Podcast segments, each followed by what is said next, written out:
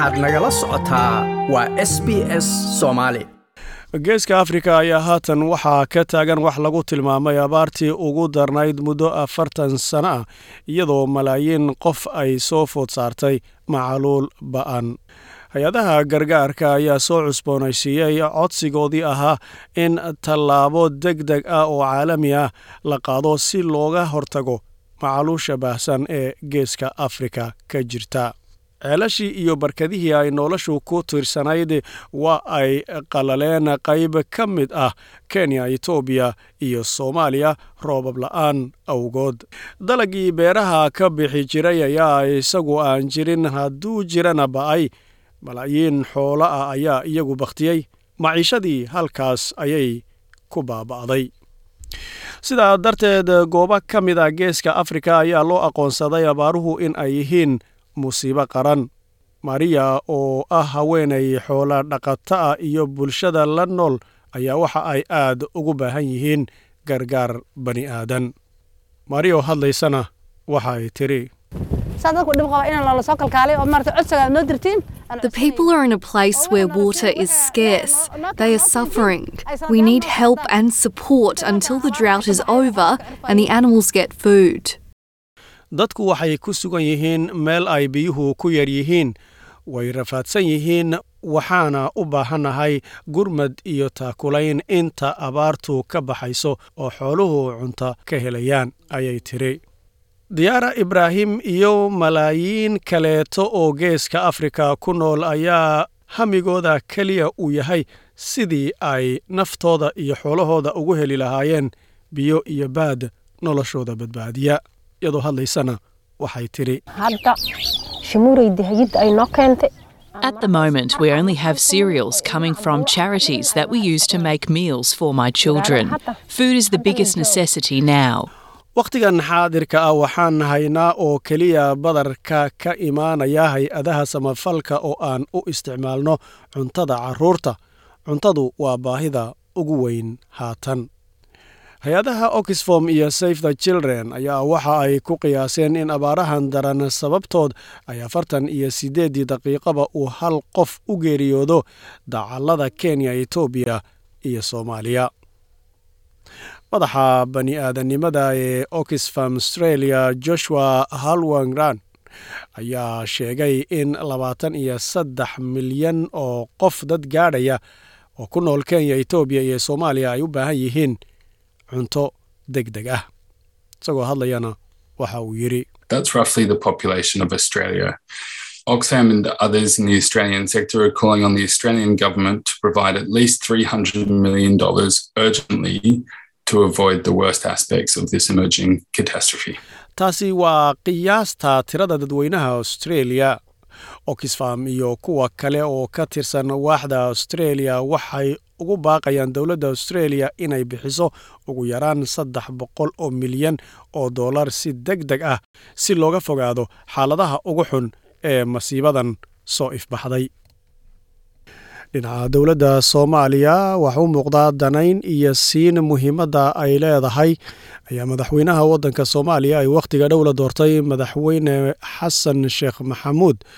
Waxa uu u magacaabay arrimaha abaaraha iyo dhibaatooyinka ka taagan ergey gaara oo u qaabilsanaan doona soomaaliya. Waxaa u magacaabay arrintaasi xildhibaan cabdiraxmaan cabdishakuur warsame oo ah nin ka tirsan baarlamaanka soomaaliya. Isagoo dhinaca kaleetana ka mid ahaa murashaxiintii u tartantay jegada madaxweynaha. Madaxweynaha oo haddaba ka hadlaya shirkaasi jaraa'id waxa uu yidhi maanta waxaan halkan aan u soo istaagnay in aan ummadda soomaaliyeed la wadaagno magacaabista mudan cabdiraxmaan cabdishakuur oo ah inuu xiriiriyo howlgalka ama arrimaha humanitarianka. Kaalmada caalamiga ah kaalmada soomaalida iyo dadkayna duruufaha ku sugan oo dhibaataysanka warqabkooda sida xaaladdu ay tahay mar walba la socodkeeda iyo abaartu haddii ay dhammaato xataa ilaahay idinkiis waa dhammaanaysaaye ka sii kadib dadkii dhibaatadu ay ku dhacday ee xoolo beelay ee dhibaatadu ay gaartay sidii looga sii warqabi lahay oo dadkaas noloshooda mustaqbalka fog loo waxay lahay in barnaamij cad iyo waddo cad oo mustaqbalkana lagu waxeeyo kale.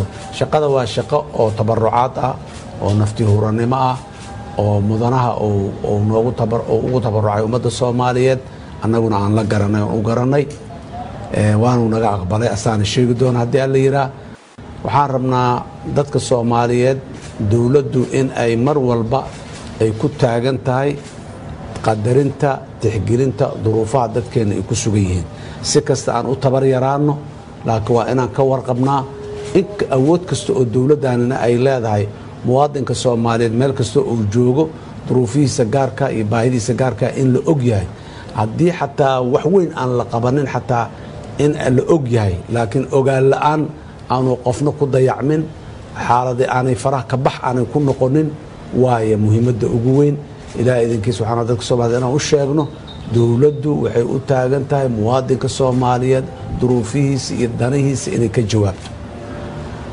Intii abaarta nooga dhimatay allah u naxariisto inta kaloo dhibaataysanna ilaahay ha naga wada qaado dalkoo dhan iyo gobolka geeska africa o dhan ay ka jirtaa abaartu. Waxaan rajaynaynaa roobabkii da'ay meelihii ay ka da'eenna kuwa waxtara in ilaahay ka dhigo kuwo kalena ilaahay inoo keeno dowladduna wax kastoo ay suubi karto iyo dadaal kasta ay samayn karto kama gaabin doonto dadkaasna. Duruufaha hadda ay ku jiraanna in laga jawaabo mustaqbalkana in loo sii meel daya haddii alla yidhaah dhankiisa xildhibaan cabdiraxmaan cabdishakuur oo isagu ka mahadceliyey magacaabistaasi isagoo hadlayana wuxuu yidhi bismillahi raxmaan raxiim mudane madaxweyne aad iyo aadaad u mahadsan tahay. Mas'uuliyaddan aad isaartay waxay tusaysaa mudnaanta aad siinayso ka jawaabidda gurmadka abaaraha dadkeena tabaaleysa runtii sannadkii dheeraa ee doorashada lagu jiray wuxuu aad nooga mashquuliyey duruufaha dadkeenna ee abaartu ay ku dhufatay malaayiinta gaaraya ka barakacay guryahooda qaarkood ay hadda qarka u saaran yihiin inay macluul ay isku bedesho abaarta adduunka ka jawaabistiisii arrintaas oo aad u yar maadaama dowladdii ay xilli kale guura ku jirtay haddana xilli kale guura ay ku jirto inaad mudnaanta siisay arrintaas runtii waxay tusaysaa dareenka aad u muujinayso ummadda soomaaliyeed ee waxqabadka ah. Annagana aan mas'uuliyaddaas aana saartay inaan ugu shaqayno ummadda soomaaliyeed si oo niyad ah oo aan adduunka baaqiisa aan u jeedino oo dadka soomaaliyeed iyo gudaha iyo dibaddaba isku xirkaas mas'uuliyaddaas aana saartay. Runtii waa kaaga mahad celinayaa hawshaasna waan aqbal. Hadda ilaah yidhaahdo waana u gunto doonaa in aan dadka soomaaliyeed aan wax allaaliy wixii aan gaarsii karno. Intaysan isku bedelin macluul abaartu aan ka hortagno. Dowladdana waxaan ka rajaynaynaa inaan garab buuxa aan ka helno hay'adaheeda kala duwan. Adduunkana aan ka helno mar kale waa kuu mahad kalsoonidaas ayada ah oo dadka soomaaliyed inaan ugu shaqeeya aadna siisay. Soomaaliya ayaase si guud waxa xoogga la saaraa gargaarka bani aadanka ee dibadaha ka yimaada balse dhawaqyada qaramada midoobey ay samaysay jawaabaha ka imanaya ee si gaara weliba heerka caalamiga ayaa iyagu aad u hooseeya sida mas'uuliyiinta gargaarka qaabilsani ay caddaynayaan dhankeeda hay'adda qaramada midoobey ayaa codsatay lacag dhan lix bilyan oo dollarka australiyaanka ah oo caawinaada kana badan lacag afar bilyan oo maraykana balse ilaa iyo haatan jawaabaha ka imaanaya codsigaasi qaramada midoobey ayaa isagu aad u hooseeya.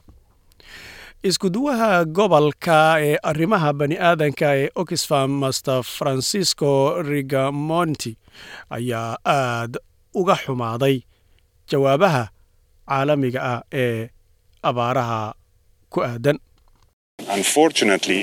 the, the level of funding we receive so far is very minimal. I think it's around 3% of the overall uh, total. What is important is that the international community, as it has done for other crises, find the political will to intervene because the people in Somalia and Kenya and Ethiopia, they deserve this type of support. nasiib darro heerka maalgelinta aan helayna ilaa haatan waa mid aad u yar waxaan u malaynayaa inay tahay qiyaastii boqolkiiba saddex wadarta guud. Waxa muxiimka ah waa beesha caalamka sidii ay u samaysay xasaradaha kale in la raadiyo rabitaan siyaasadeed oo lagu farageliyo sababtoo ah dadka ku nool kenya etoobiya iyo soomaaliya waxay mudan yihiin taageerada noocan oo kale ah ayuu yidhi master francisco haddii aan tallaabo deg dega laga qaadin abaarahan kooxda gargaarka ayaa ka digaya in soomaaliya ay dib u arki karto macaluushii labadii kun iyo koob iyo tobankii. Mid la mida inay ku habsato halkaasoo tiro badani ay ku geeriyoodeen wakhtigaasi tirada dadka ay hayso macaluusha ba'ani ee saddexda waddan ee geeska afrika ka jira ayaa ah in ka badan labanlaab tiradii hore ee sannadkii isbeddelka cimilada dagaalada iyo faafitaanka cudurkan covid nneteen-ka ayaa iyagu gacan ka sii geystay dhibaatooyinkan abaaraha ee aadka u ba'an sida warbixinno iyo baadhitaanno lagu ogaaday. Like aas la wadaag wax ka dheh lana soco barta facebooka ee sb s